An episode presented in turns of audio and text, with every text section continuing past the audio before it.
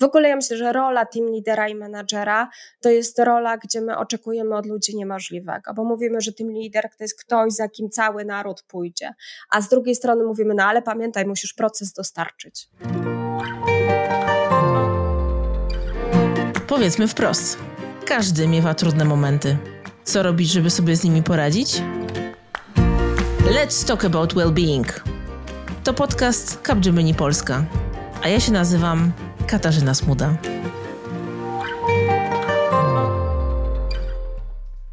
W 2020 roku wybuchła pandemia COVID-19. I choć wtedy nikt z nas o tym nie myślał lub też nie patrzył na to w ten sposób, wybuchła wtedy też rewolucja, która całkowicie zmieniła system pracy. Po kilkudziesięciu latach tworzenia się nawyków chodzenia do biura, powstawania rytuałów zespołowych, chodzenia na wspólne lunche, czy choćby luźnych pogadanek przy kawie, nagle, w ciągu jednego dnia, przeszliśmy na pracę zdalną. Dziś, po prawie trzech latach od tego dnia, pracujemy głównie w modelu hybrydowym, choć nie ma co ukrywać, że większość osób zdecydowanie bardziej od powrotu do biura woli pracę w trybie home office. Do dzisiejszego odcinka zaprosiłam Annę Gliwińską-Paselę, dyrektorkę finansową Capgemini Polska oraz Magdalenę Dorożyńską, menadżerkę obszaru budowania marki pracodawcy, komunikacji i społecznej odpowiedzialności biznesu. W rozmowie staramy się odpowiedzieć m.in. na pytania: jakie są korzyści, ale też koszty pracy z domu? Jak praca zdalna wpływa na nasz well-being? Jak budować relacje międzyludzkie w tak rozproszonej strukturze? Jakie wyzwania stoją przed osobami zarządzającymi ludźmi i jakie nowe stanowiska przyniesie nowy model pracy? Ale zacznijmy od początku tej historii, czyli od tego, jak wyglądały pierwsze dni po 13 marca 2020 roku. Ja mogę opowiedzieć z dwóch perspektyw, bo z jednej perspektywy, jak wybuchła pandemia, to dla mojego zespołu była to totalna zmiana pod kątem takim, że musieliśmy wszystkie nasze działania dostosować 100% do online. W poprzedniej rzeczywistości, przed pandemią, mieliśmy tak, że nasze akcje były i offline'owe, i online'owe.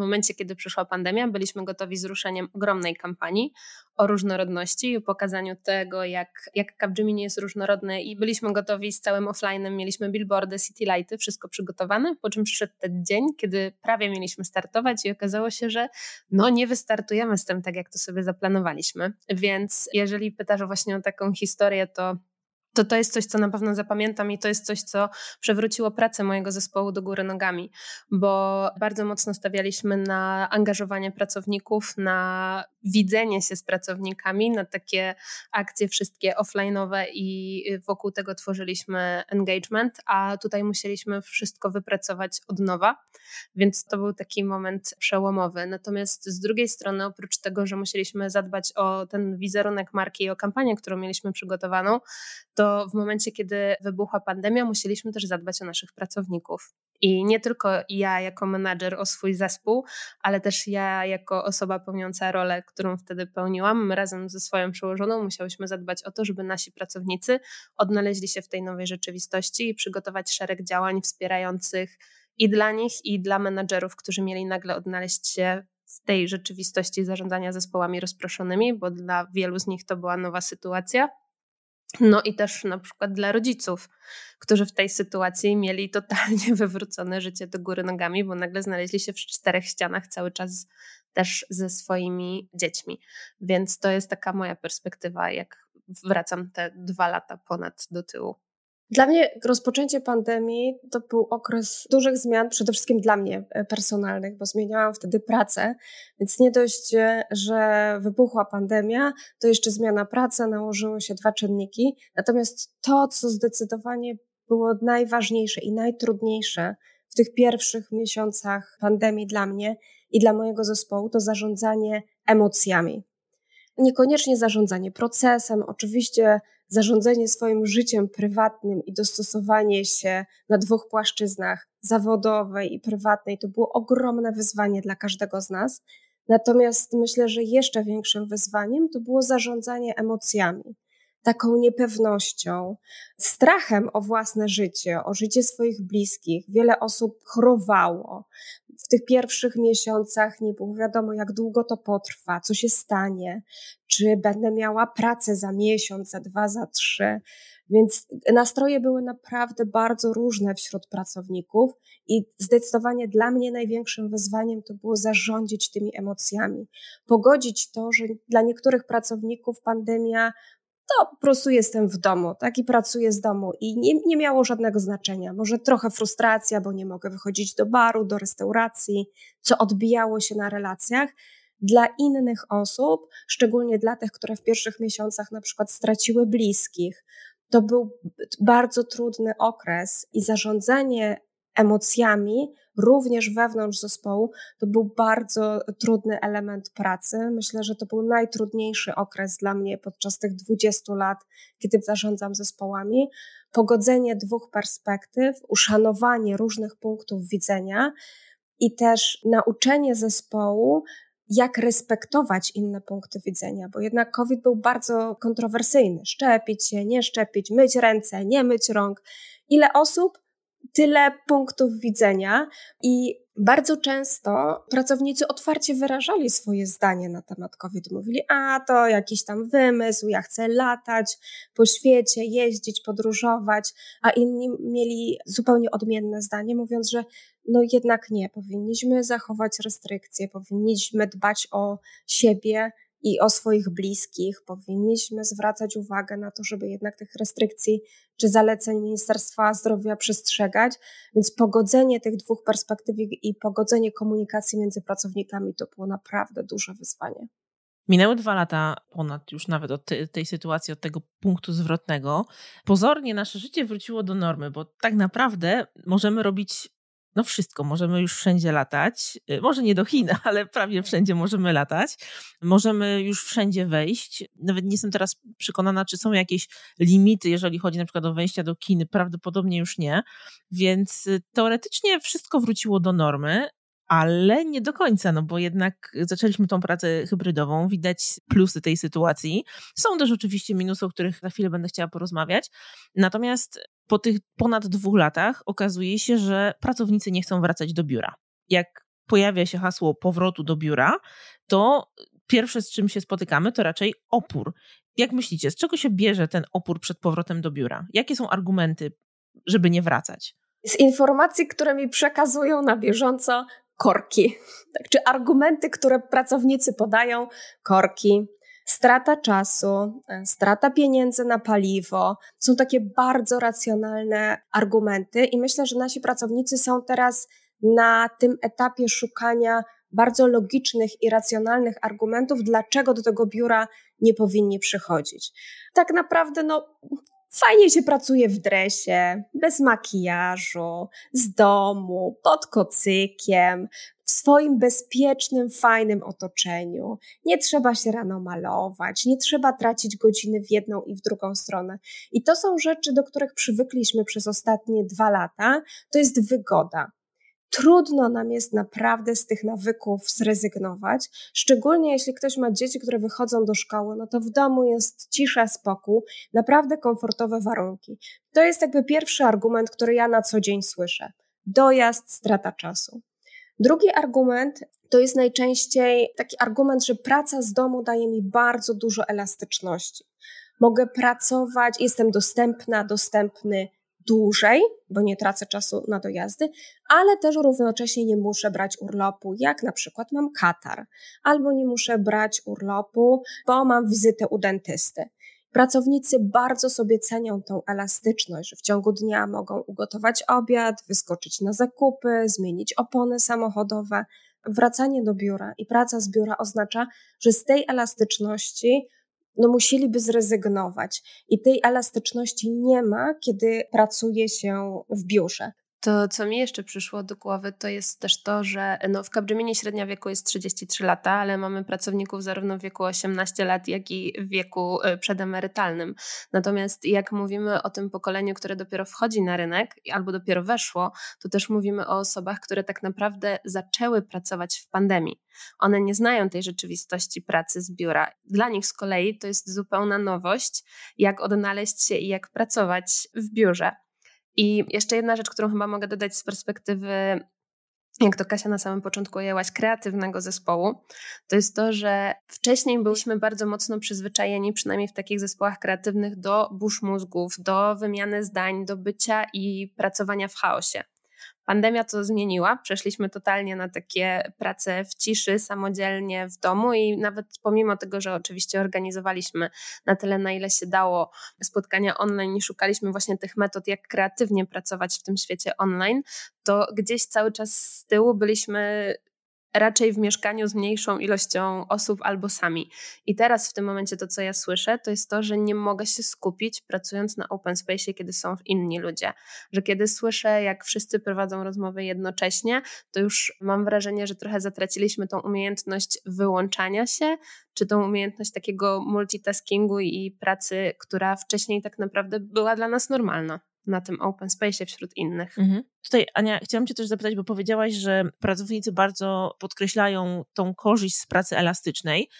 Ale jakie są koszty tej pracy elastycznej? Bo o korzyściach wiemy, wszyscy z nich czerpiemy. Jakie są koszty tego, że możemy sobie w ciągu dnia wyskoczyć, zrobić obiad, zakupy i tak dalej? Z mojego punktu widzenia kosztów jest bardzo dużo. Przede wszystkim rozwój dla młodych pracowników. Jak Magda powiedziała, średnia wieku u nas to 33 lata, ale mamy też bardzo młodych pracowników. U mnie w zespole pracuje 5-6 osób, dla których jest to pierwsza praca po studiach.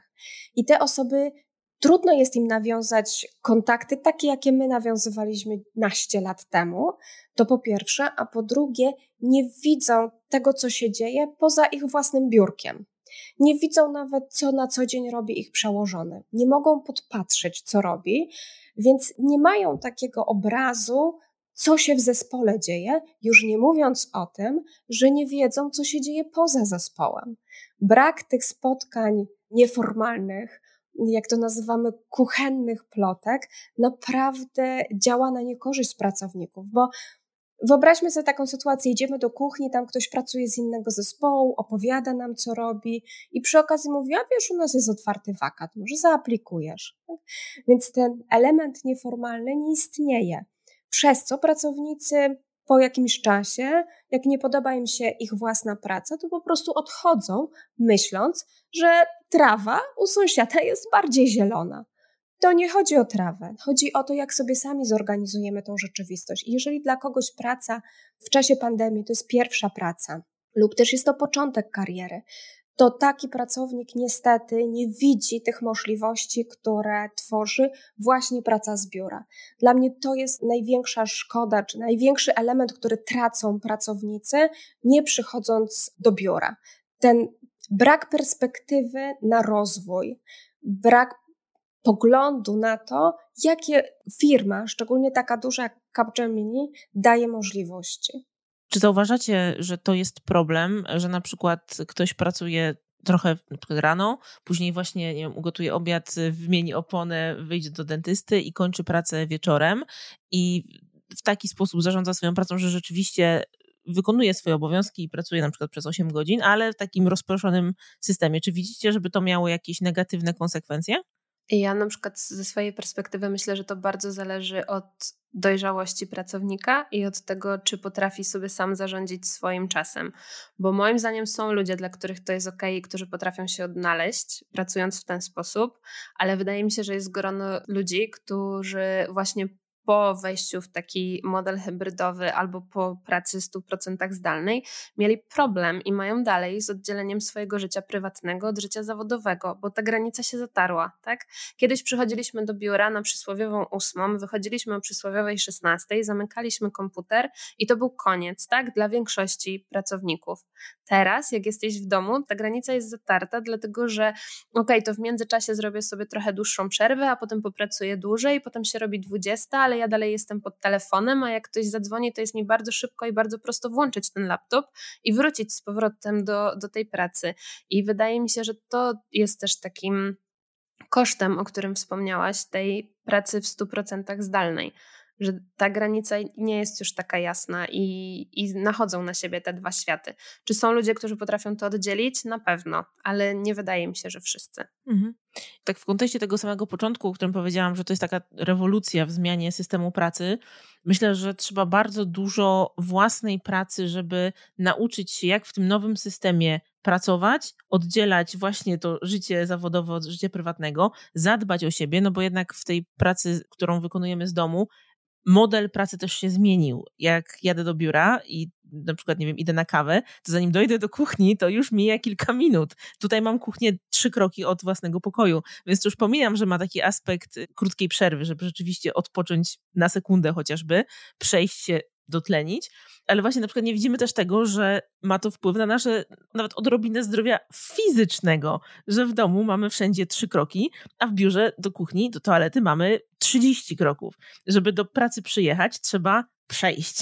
Nawet jak ktoś idzie samochodem, to nadal gdzieś trzeba chociaż trochę iść. I kiedy ja jadę do biura, bardzo mocno odczuwam, że teraz jestem w pracy, a teraz jestem w domu. Wychodzę z pracy i czuję taką lekkość, że już skończyłam swój dzień pracy i nawet jeżeli pracuję z domu i skończę pracę o 16, to tej lekkości już nie mam. Dlatego ja bardzo lubię jeździć do biura, żeby poczuć nieznośną lekkość bytu. Macie też tak? Tak, ja przyjeżdżam regularnie do biura, co najmniej dwa razy w tygodniu staram się być w biurze, chociażby po to, żeby się przejść żeby się spotkać z moimi pracownikami, żeby porozmawiać na różne tematy. Przede wszystkim, żeby zobaczyć ich, co się u nich dzieje, tak? bo przez Teams czy Zoom nie widzimy tych emocji. Nawet jeżeli są włączone kamery, to nie widzimy, czy ktoś jest zmęczony, jakie ma problemy. Więc dla mnie bardzo ważne jest to, żeby przyjeżdżać regularnie do biura dla swojego zdrowia psychicznego i fizycznego, ale też chcę zobaczyć, jak się mają moi mm, pracownicy, jak się ma mój zespół i fizycznie, i psychicznie. Zdarzają się y, przypadki, że dostaję maile od 23 i dla mnie to jest zupełnie sytuacja, słuchajcie, nie do zaakceptowania, że ktoś o tej porze pracuje. U mnie w zespole nie wolno o tej porze pracować. Oczywiście nie jestem w stanie tego skontrolować. Natomiast też bardzo duża rola to jest rola menadżerów, żeby komunikowali jasno, że nie oczekują od pracowników pracy 24 godziny na dobę.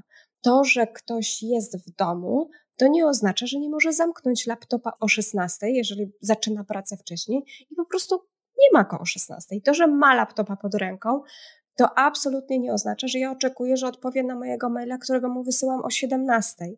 Bardzo ważne jest to, żeby menadżerowie komunikowali to jasno swoim pracownikom, bo takie sytuacje, w której pracownicy pracują późno wieczorami mogą też wynikać z problemów komunikacyjnych, bo ktoś może pomyśleć, że mój menadżer tego oczekuje, skoro do mnie pisze wieczorem. A niestety to właśnie my jesteśmy, my menadżerowie jesteśmy złym przykładem i to my pracujemy dłużej. Jeżeli już musimy pracować dłużej, to powinniśmy naprawdę bardzo jasno komunikować pracownikom, że absolutnie od nich tego nie oczekujemy.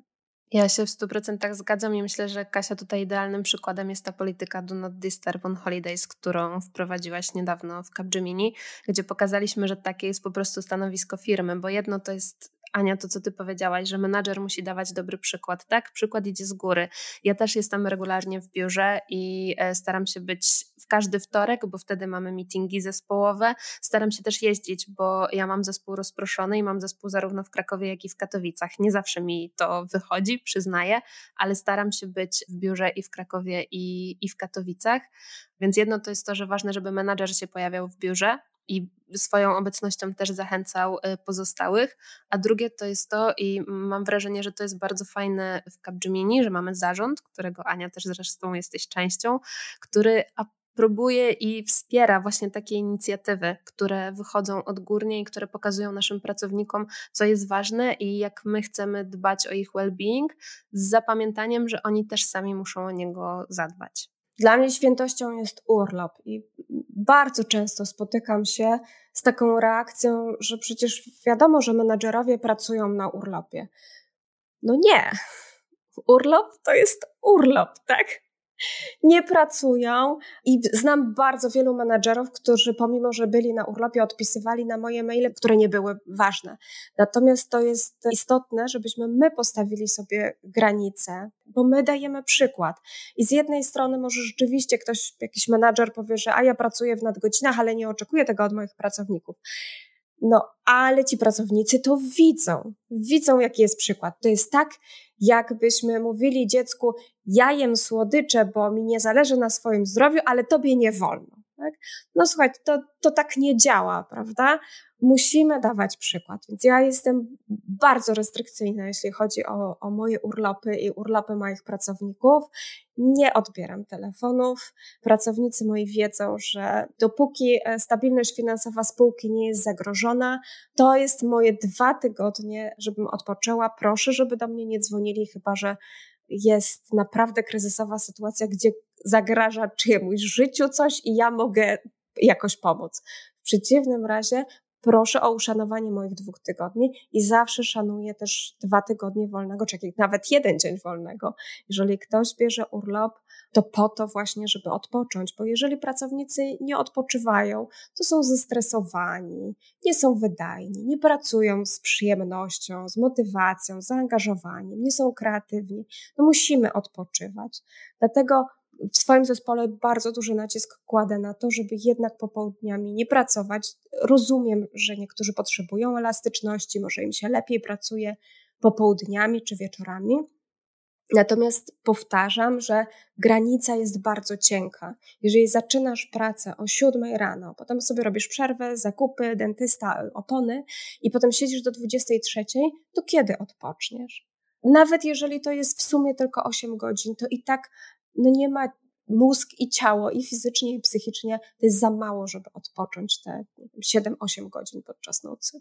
Tak, ten poziom takiego napięcia i, i być może stresu też jest na tak, jakby ciągle wysokim poziomie. To jest trochę taka sama sytuacja właśnie jak komuś przeszkadzamy na urlopie. Co z tego, że to jest jeden SMS, jak w tym momencie organizm od razu reaguje takim stanem alertu, no bo coś się dzieje.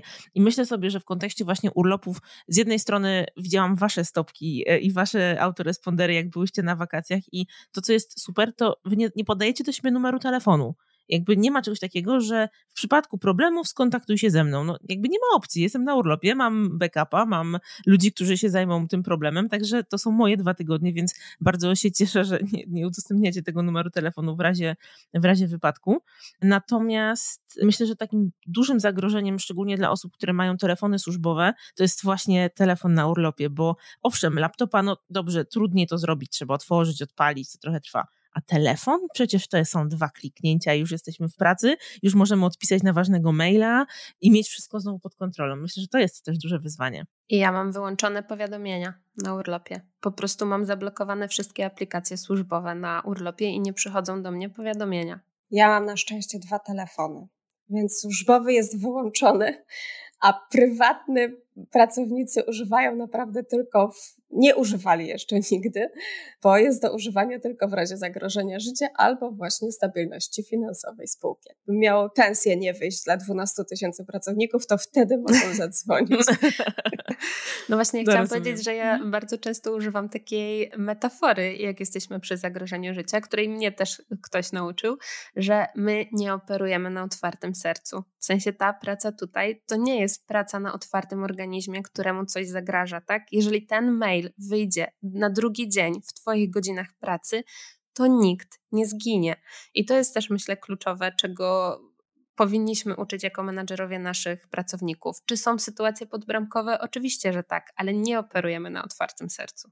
A co jak klient oczekuje, żebyśmy jednak operowali na otwartym sercu? Czyli mamy klienta, który wymaga od nas większej dyspozycyjności, większego zaangażowania, no i trudno klientowi powiedzieć: Przepraszam, ja kończę pracę, do widzenia. Może nie trudno, tylko tego nie potrafimy zrobić. Ja wychodzę z założenia, że warto rozmawiać i że z każdym klientem jesteśmy w stanie ustalić takie zasady współpracy, które będą odpowiadały obu stronom. W sensie naprawdę wierzę, że dialog i rozmowa potrafią sprawić, że ludzie się dogadają, niezależnie od tego, jaki, jaki to jest klient i czego on od nas wymaga. I myślę sobie też, że to na nas, na menedżerach, trochę spoczywa odpowiedzialność stawiania tych granic, żeby zadbać właśnie też o ten well-being zespołu i żeby oni też wiedzieli, że w podbramkowej sytuacji menadżer stanie po ich stronie, jeżeli ta granica zostanie w jakiś sposób przekroczona. Wydaje mi się, że to jest właśnie też ta rola menadżera. Ale Ania, nie wiem, czy się ze mną zgodzisz. Tak, zdecydowanie się zgadzam. I też ważną kwestią jest to, żebyśmy my jako menadżerowie nie robili z siebie ludzi niezastępowalnych. Każdy z nas jest zastępowany, każdy z nas jest wyjątkowy, bo mamy swój talent, mamy swoje kompetencje, jesteśmy w czymś dobrzy, dlatego jesteśmy menadżerami, bo potrafimy zarządzać zespołem, procesem. Natomiast jeżeli znikamy na dwa tygodnie, naprawdę nic się nie stanie. Firma na pewno za dwa tygodnie będzie stała dokładnie w tym samym miejscu.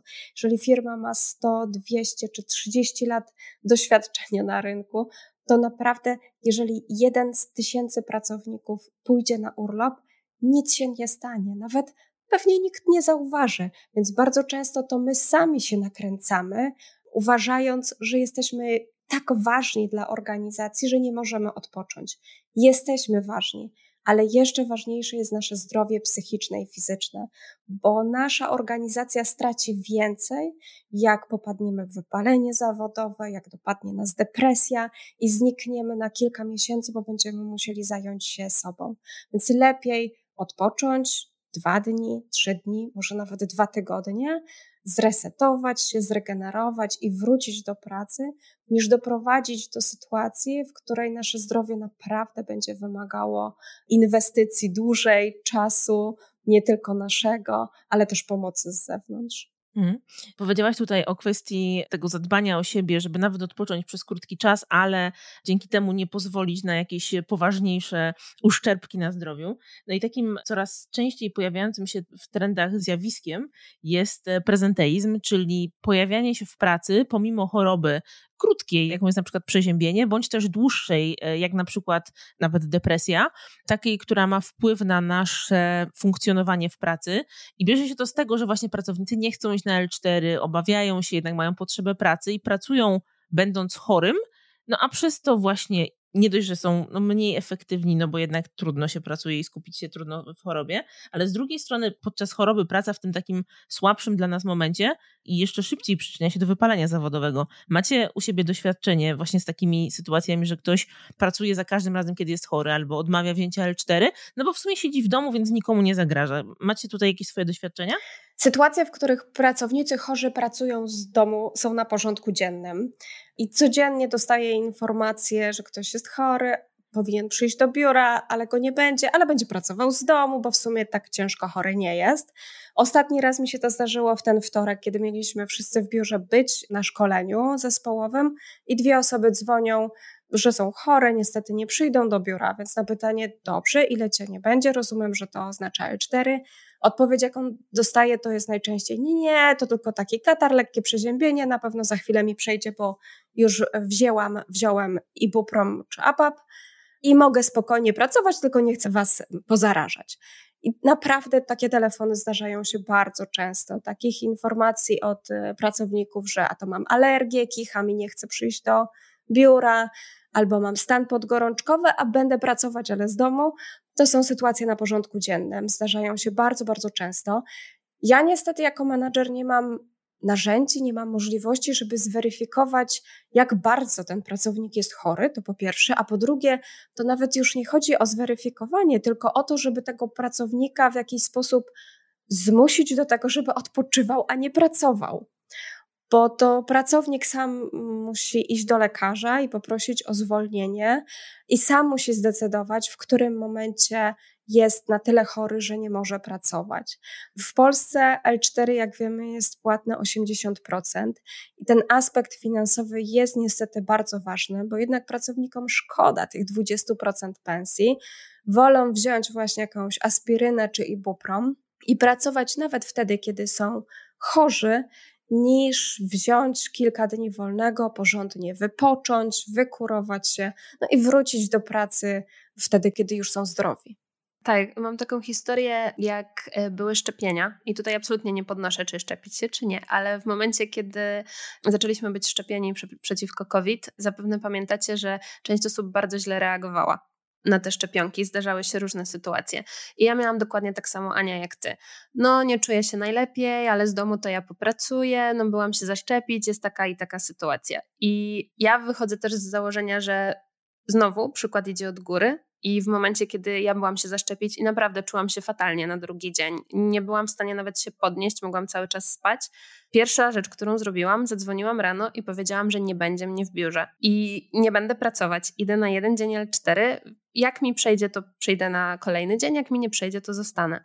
I myślę, że to też pokazało, że to jest okej, tak? Nie pracować, kiedy się źle czujesz, tylko znowu przykład poszedł w tym przypadku od góry i to też może dało takie przyzwolenie trochę, czy bardziej taką śmiałość w tym, że, że to jest okej, że chodzę na to L4, co nie zmienia faktu, że po tamtych sytuacjach dalej jest tak samo, czyli dokładnie jestem tylko lekko przeziemiona, więc popracuję i jedyne, co możemy robić, to jest właśnie rozmowa to jest próba pokazania i przekazania, jak, jakie konsekwencje ma też praca na, przy złym samopoczuciu, ale też co zyska ten pracownik, jak pójdzie i odpocznie na tym L4 i jak może wtedy zadbać o siebie. Mhm.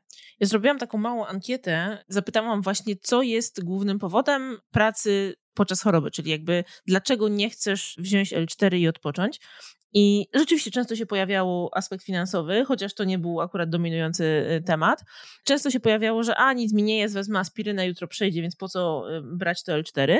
Natomiast absolutnie najwięcej odpowiedzi było takich, nie mogę sobie pozwolić na wolne, nie mogę sobie pozwolić na odpoczynek, bo mam projekty, mam deadlines, mam swoje obowiązki i jakby ja się boję, że się coś wysypie, jak mnie nie będzie, bo, bo jakby ta praca musi się posuwać do przodu. No i mi się wydaje, że tutaj y, kluczem jest rozmowa i edukowanie naszych pracowników, że dokładnie nikt nie umrze w momencie, kiedy ty pójdziesz i odpoczniesz. To jest pierwsza rzecz.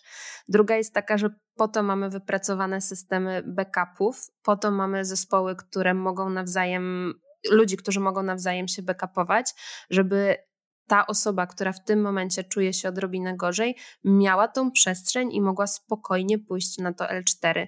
Więc wydaje mi się, że tutaj kluczem jest po prostu rozmowa i edukowanie naszych pracowników o tym, że jest ta przestrzeń na to, żeby pójść i odpocząć. Oczywiście, work smarter, not harder to, że będziemy ciężko pracować, to wcale nie doprowadzi nas do sukcesu. Zdecydowanie wolę bardziej pracowników wypoczętych, zdrowych, zadowolonych, zmotywowanych, niż pracowników, którzy są przemęczeni, zdemotywowani, no i na dodatek jeszcze chorzy. Praca, kiedy jesteśmy chorzy, naprawdę nie przynosi wartości dodanej. Lepiej odpocząć, zostać w domu, wziąć L4, wyłączyć laptopa, wyłączyć telefon i wykorzystać ten czas na to, żeby wrócić do siebie. Natomiast, tak jak Macie mówisz, to jest e, edukacja, rozmowa, rozmowa, jeszcze raz rozmowa.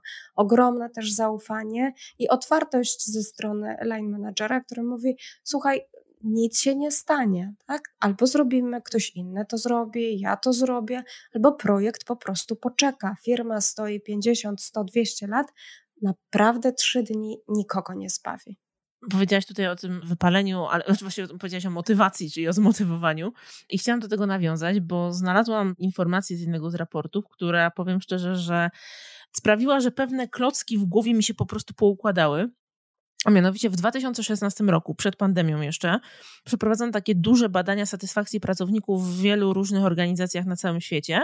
No i z tego badania wynikało, że 77% pracowników, i to chyba był albo najwyższy, albo drugi najwyższy e, wskaźnik, 77% pracowników uważa relacje w pracy za najbardziej istotny czynnik budujący ich zaangażowanie do pracy.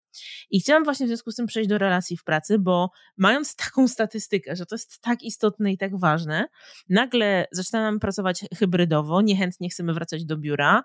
Jeżeli już wracamy, spotykamy się z jedną, z dwoma osobami może, ten team building zaczyna być naprawdę problematyczny i jest wyzwaniem.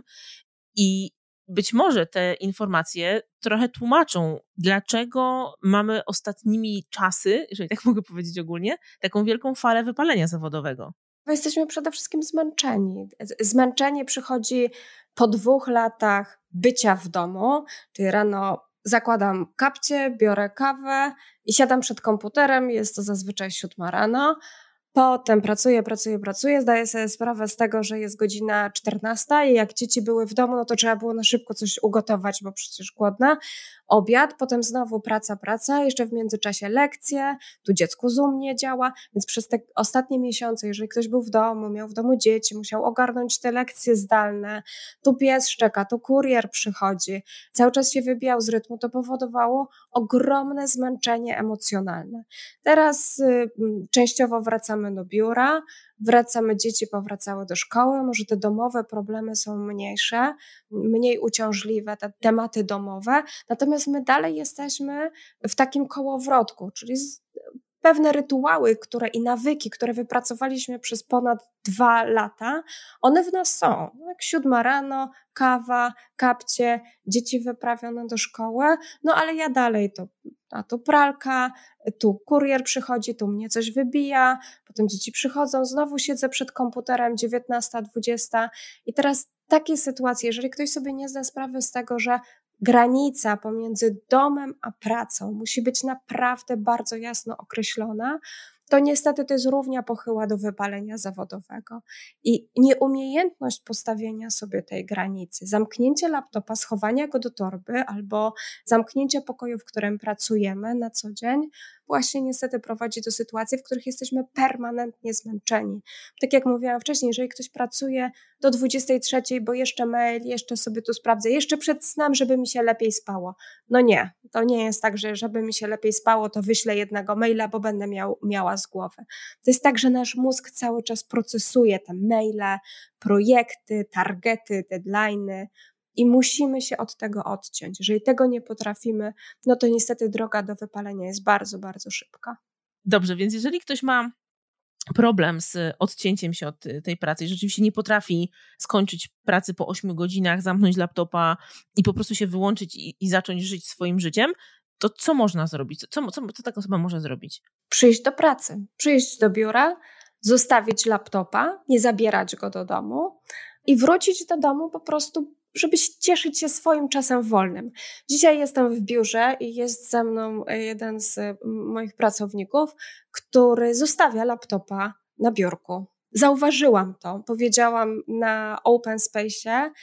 Cieszę się, że to robisz. Dzięki temu ja jestem spokojna, że ty masz swój work-life balance. Po pierwsze, że potrafisz nim zarządzić, bo świadomie zostawiasz laptopa w biurze, po drugie, dla mnie naprawdę, widząc tego laptopa, ja dzisiaj przyszłam pierwsza do biura, patrzę, laptop jest na biurku, świetnie. To znaczy, że ta osoba przyjdzie do biura i na pewno w nocy nie pracowała. Bo dla mnie, jako dla line managera, to jest naprawdę problem, kiedy mam świadomość, że moi pracownicy mogą wieczorami pracować i rano są po prostu zmęczeni, potem przez cały dzień są zmęczeni. Więc ja się bardzo cieszę, kiedy ktoś przychodzi do biura, zostawia laptopa, tym swoim czasem wolnym gospodaruje tak, jak chce. Chciałam powiedzieć jeszcze jedną perspektywę, którą ja zauważyłam. Na wypalenie zawodowe też bardzo składa się, albo jednym ze składników wypalenia zawodowego jest też frustracja, tak? No, w pracy czasem się frustrujemy, tak? Dzieją się pewne rzeczy, z którymi nie potrafimy sobie poradzić, mamy jakiś problem, chcemy go szybko rozwiązać, kwestia do rozwiązania i tak dalej. I kiedy pracujemy z biura i jesteśmy w zespole, ktoś już na pewno wcześniej miał ten sam problem, tak? I to jest minuta, kiedy ty wstajesz, zadajesz pytanie i ktoś z zespołu jest ci w stanie pomóc i powiedzieć, jak on do tego podszedł. Nawet jeżeli nikt wcześniej nie spotkał się z tym problemem, to pracując w biurze, w zespole, jesteś w stanie szybciej wypracować razem z innymi ludźmi rozwiązanie, tak? W momencie, kiedy jesteśmy zamknięci cały czas w domu i pracujemy tylko i wyłącznie zdalnie, nie ma tej opcji, więc ta frustracja w nas narasta, tak? Zanim ja zadzwonię, zanim ja wbiję komuś kola, czy to mojemu przełożonemu, czy koledze, zanim nam połączę kalendarze, zanim ta osoba też sobie przemyśli. I tak to będzie kontakt tylko z jedną osobą, bo jak chcemy porozmawiać jeszcze z większą ilością osób, no to znowu dogadywanie kalendarzy wszystkich trochę trwa w biurze nie ma tego problemu, tak? Jest ta relacja, jest ta rozmowa i ona jest tu i teraz, więc wydaje mi się, że też dzięki temu zmniejsza się frustracja, mamy pomoc na miejscu i to wypalenie zawodowe może być w jakimś stopniu mniejsze. I jeśli mowa też o relacjach, to my na przykład u mnie w zespole staramy się znaleźć czas na wspólną kawę czy obiad. I teraz przed pandemią choćby nie wiem, co się działo, o 12 każdy miał lukę w kalendarzu. To był rytuał nasz zespołowy przed pandemią, że my zawsze jedliśmy obiad o 12.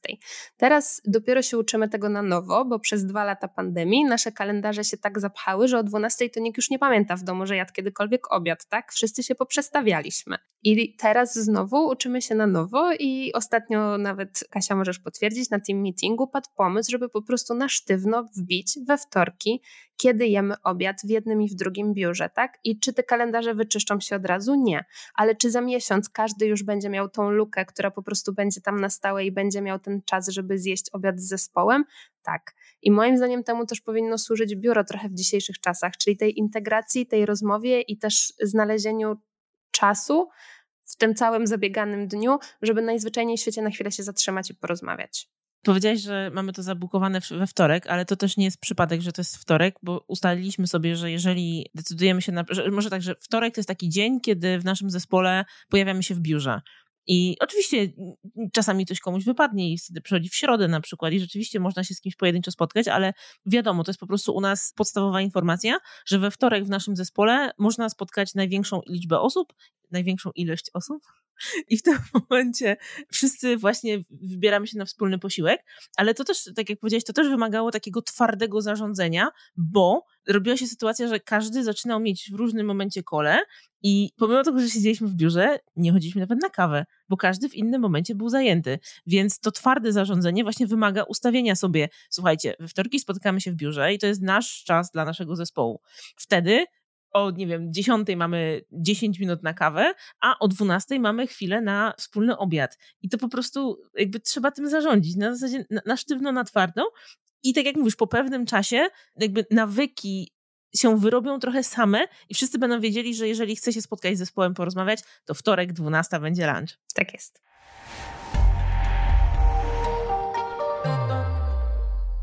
W Capgemini funkcjonuje helpline czyli dedykowany numer telefonu oraz czat z psychoterapeutkami dostępny przez 3 dni w tygodniu. Telefon i czat są w pełni anonimowe. Jeśli odczuwasz obniżony nastrój, lęk pojawiający się w różnorodnych sytuacjach, trudności w komunikacji w pracy lub w życiu prywatnym lub jakiekolwiek inne problemy, nie wahaj się i skorzystaj z Capgemini Helpline.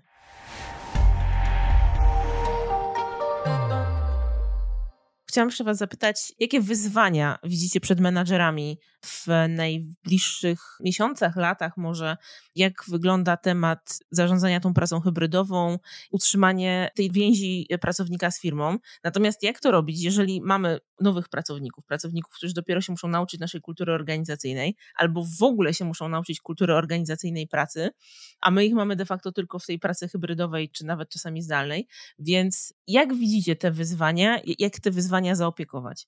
Przede wszystkim firmy różnie reagują i definiują pracę hybrydową. Słuchajcie, ja w zasadzie zawsze pracowałam hybrydowo. Przez ostatnie naście lat pracowałam w modelu 3-2, czyli najczęściej 3 dni byłam w biurze i 2 dni pracowałam z domu. I to funkcjonowało, tego nawet nikt nie nazywał pracą hybrydową, tak się po prostu działo. Teraz myślę, że my trochę demonizujemy tą pracę hybrydową, dlatego że jest właśnie niezdefiniowana, dlatego że nasi pracownicy w ogóle niektórzy nie pojawiają się w biurze. Czyli nie jesteśmy w stanie przekonać ich nawet, żeby jeden dzień w tygodniu przychodzili do biura. Bo jeżeli ktoś byłby w biurze dwa, trzy razy w tygodniu, to naprawdę to wystarczy, żeby zbudować relacje, szczególnie gdyby to był cały zespół, oczywiście, bo jak jedna osoba albo sami new joinersi będą przychodzić, to kompletnie to nie ma sensu. Ale jeżeli 20-osobowy zespół się zobliguje do tego, że każdy będzie przychodził do biura 2-3 razy w tygodniu, to ta nowa osoba ma już naprawdę bardzo dużo możliwości, żeby się zintegrować, żeby iść z kimś na kawę, żeby się nauczyć systemów, żeby poznać tą pracę z różnych perspektyw. Więc musimy sobie odpowiedzieć na pytanie, co to znaczy praca hybrydowa. Jeżeli to jest 2-3 dni w tygodniu z biura, z domu, to naprawdę to nie jest nic innego niż to, co część firm robiła już przed pandemią i to funkcjonowało, nawet jeżeli nie nazywaliśmy tego w ten sposób. Natomiast największy problem to jest taki, żeby właśnie przekonać tych pracowników, żeby chociaż 2-3 dni w tygodniu przychodzili regularne 2-3 dni w tygodniu, a nie jeden tydzień przychodzą 3 dni w tygodniu, a potem przez 3 miesiące nikogo nie ma. Firmy różnie sobie z tym radzą. Kiedy pytam osoby pracujące w innych shared serwisach, jak sobie firmy radzą z pracą hybrydową czy z ustrukturyzowaniem pracy hybrydowej, to naprawdę bardzo różnie to wygląda. Niektóre firmy tykają się jak pies jeża, czyli mówmy o pracy hybrydowej i zobaczmy, co pracownicy z tym zrobią. Czyli nie ma zasad, reguł, taka wolna amerykanka. Niektóre firmy wdrażają bardzo jasno określone zasady, czyli na przykład new joinersi przychodzą do biura cztery razy w tygodniu. Właśnie po to, żeby zintegrować ich, żeby mieć pewność, że wiedza jest dobrze przekazana, że wiedzą, co mają robić, że są w stanie obsłużyć systemy, które są specyficzne w każdej firmie.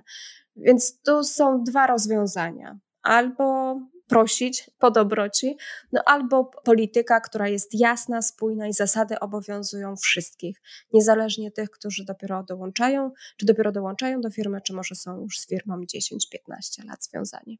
Czy nawet już tak zdefiniowany przez politykę ten system pracy hybrydowej i na przykład dwa dni z biura, trzy dni z domu, jakkolwiek, czy myślicie, że taka praca hybrydowa spowoduje na przykład powstanie nowych stanowisk, na przykład takiej osoby, która będzie się zajmowała tym, żeby na przykład w danym naszym biznes unicie organizować integrację dla pracowników, czyli team leader może przyjść do takiej osoby i taka osoba go wspomoże w, w, integracji albo wspomoże w organizacji działań well-beingowych. Myślicie, że takie funkcje w ogóle mają e, rację bytu? One mogą powstać, czy to raczej jest bardziej związane z odpowiedzialnością i, i takim zaangażowaniem przełożonego menadżera, people managera? Ja myślę, że y, o ile ich jeszcze nie ma, to na pewno powstaną, dlatego że w tym momencie na przykład są agencje, które już specjalizują się tylko i wyłącznie w eventach pod integrację pracowników. Więc jeżeli na ten moment nawet outsourcujemy to do agencji, to lada chwila wydaje mi się, że większość firm będzie chciała mieć kogoś takiego u siebie po prostu w strukturach, bo wiadomo, że jak ktoś jest wewnątrz organizacji, to łatwiej jest w stanie zrozumieć potrzeby pracowników i też czym oni są zainteresowani, co chcieliby, żeby się wydarzyło, więc zdecydowanie tak, ale czy mam pomysł na jakieś inne stanowiska przyszłości, to chyba na ten moment nie, ale może Ania, ty masz. Na stanowiska nie, natomiast y, na pewno na obszar, w którym trzeba wypracować nowe kompetencje. Bo pracownicy czy line managerowie dwa lata, ponad dwa lata temu zostali postawieni przed faktem dokonanym.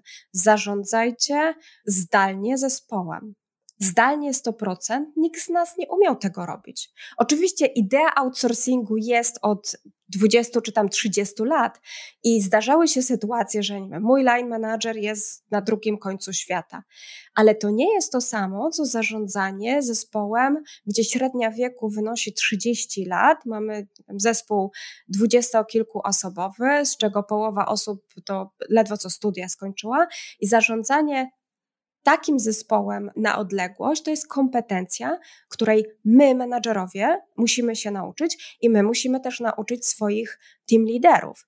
To jest bardzo ważne. Ja myślę, że my przez ostatnie lata nie koncentrowaliśmy się na tym tak bardzo mocno, jak nauczyć i wesprzeć tych naszych team liderów i menadżerów w tym, żeby oni potrafili rozmawiać, odczytywać emocje, czytać między wierszami i zarządzać zespołem w rzeczywistości hybrydowej. Bo jeżeli wcześniej, przed pandemią, firma pracowała 100% z biura, takie osoby, team liderzy czy menadżerowie nie mają z tym doświadczenia.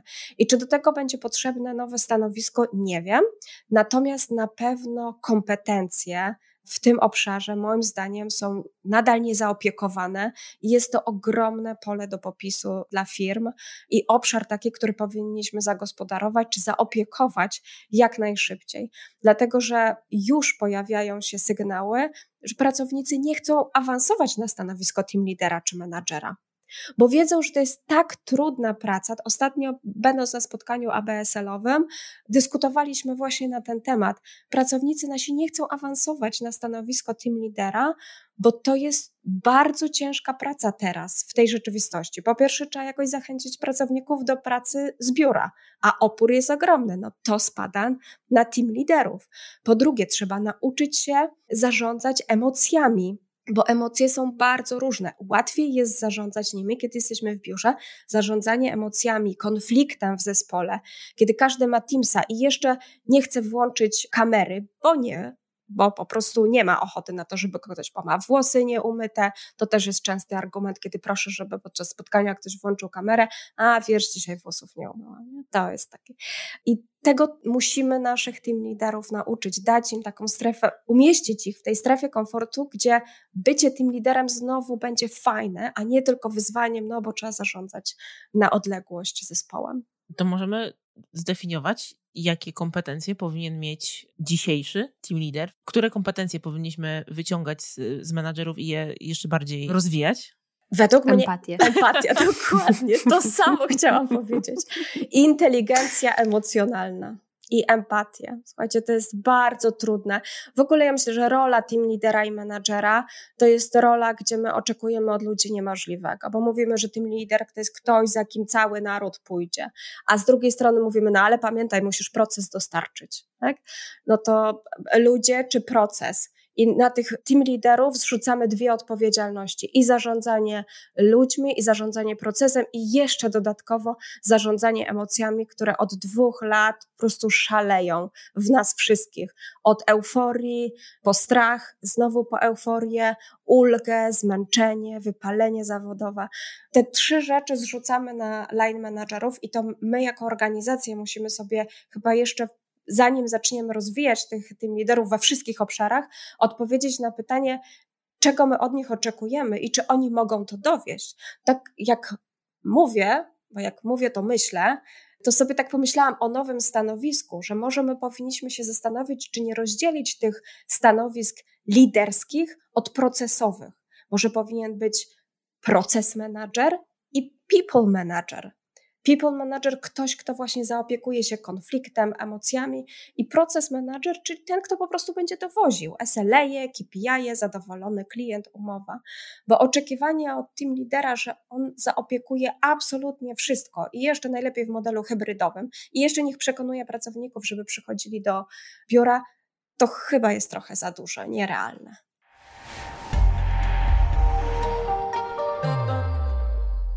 Dobry lider powinien umieć słuchać, być empatyczny, być świadomym sytuacji, w której się znajduje i być opanowanym.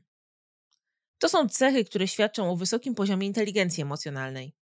A inteligencja emocjonalna to jest coś fantastycznego, bo poza tym, że pozwala zarządzać ludźmi i odnajdywać się w trudnej rzeczywistości, to przede wszystkim można ją kształtować, można się jej uczyć, można ją rozwijać. Wewnętrzne badanie Capgemini pokazało, że to właśnie na menadżerach spoczywa największa odpowiedzialność za well-being pracownika. Dlatego jako podsumowanie dzisiejszej rozmowy zadałam Ani i Magdzie nieco przewrotne pytanie. Czy problemy pracownika związane z obniżonym nastrojem, depresją, stanami lękowymi czy wypaleniem zawodowym to jest problem pracownika czy pracodawcy? Ja się czuję odpowiedzialna za moich pracowników. Czuję, że jeżeli w pracy dzieje się coś, co rzutuje na ich życie prywatne, na ich zdrowie, to ja się czuję za to odpowiedzialna. Czyli jeżeli pracownik ma problem ze znalezieniem granicy pomiędzy pracą a życiem, czyli jeżeli, nie wiem, pracuję do tej 23, to ja się czuję za to odpowiedzialna. I zrobię tyle, ile będę mogła, żeby to przerwać, żeby pomóc pracownikowi. Absolutnie nie odcinam się mówiąc, wszyscy jesteśmy dorośli, bo takie komentarze też często się pojawiają i każdy jest za siebie odpowiedzialny. Nie, dlatego że jeżeli człowiek się zapędza w takie kozie róg, to potrzebuje pomocy. Sam często nie widzi tego, że robi źle. I to naszą rolą pracodawców, line managerów jest dać pracownikom narzędzia, wskazówki, że może powinni zwrócić uwagę na swoje zdrowie. Bardzo często, jeżeli ktoś przychodzi do nas i mówi, o zobacz, tu mi coś na ręce wyskoczyło, to dajemy radę, tak? A idź do lekarza, a posmaruj taką maścią, coś mnie tu boli, a to spróbuj poćwiczyć. Nie robimy tego, myślę, że to jest kulturowo uwarunkowane, jeżeli widzimy, że ktoś jest na równi pochyły, jeśli chodzi o zdrowie psychiczne. To jest bardzo delikatny temat, ale wydaje mi się, że warto o tym mówić. I tam, gdzie mogę pracownikowi pomóc, na pewno jestem wyczulona właśnie na taką pracę w godzinach niestandardowych. Wyczulona jestem na nadgodziny zbędne. Wyczulona jestem na to, że ktoś unika chodzenia na urlop. Ja wiem, że to są drobne rzeczy. Komuś się może wydawać, że to wcale nie jest dbanie o czyjeś zdrowie psychiczne. Wydaje mi się, że takimi małymi rzeczami nawet, jeżeli dbamy o to, żeby pracownicy chodzili na urlop i szanujemy to i komunikujemy to jasno całemu zespołowi, to pomagamy komuś utrzymać tą równowagę. Ja bym jeszcze tylko dodała, że wydaje mi się, że kluczem jest tak podsumowując, otwartość na rozmowę. Jeżeli pracownik wie, że może przyjść do swojego menadżera i porozmawiać, to myślę, że to już jest połowa sukcesu, bo ma kogoś, z kim może się po prostu podzielić tym, co siedzi tam w środku. Ja bym tylko jeszcze odwróciła, że czasem zdarzają się takie sytuacje, że sytuacja psychiczna, well-beingowa pracownika jest totalnie niezwiązana z pracą. I wtedy też trzeba wyczuć dobrze tą granicę, żeby pracownik z kolei nie poczuł, że wtrącamy się, że my przekraczamy jakąś granicę i zadajemy mu pytania, które są w 100% y, prywatne, czy nie wiem, próbujemy dowiedzieć się, co się dzieje i okazuje się, że to nie ma nic wspólnego z pracą. Więc to jest bardzo ciężkie. Ja myślę, że to jest to idealne podsumowanie, że na roli właśnie lidera, menadżera spoczywa bardzo duża odpowiedzialność, bo musisz dokładnie zrozumieć tego pracownika, ale gdybym miała odpowiedzieć jednym zdaniem takim kończącym, to wydaje mi się, że otwartość na dialog i otwartość na rozmowę z pracownikami jest kluczem po prostu do, do dobrego zarządzania.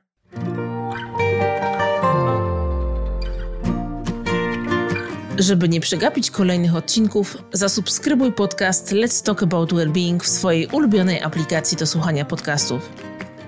A jeśli ten odcinek Ci się spodobał, podziel się nim z koleżankami i kolegami z pracy. Niech oni też skorzystają z zawartych w nim rad. Linki do zagadnień poruszanych w odcinku znajdziesz w jego opisie.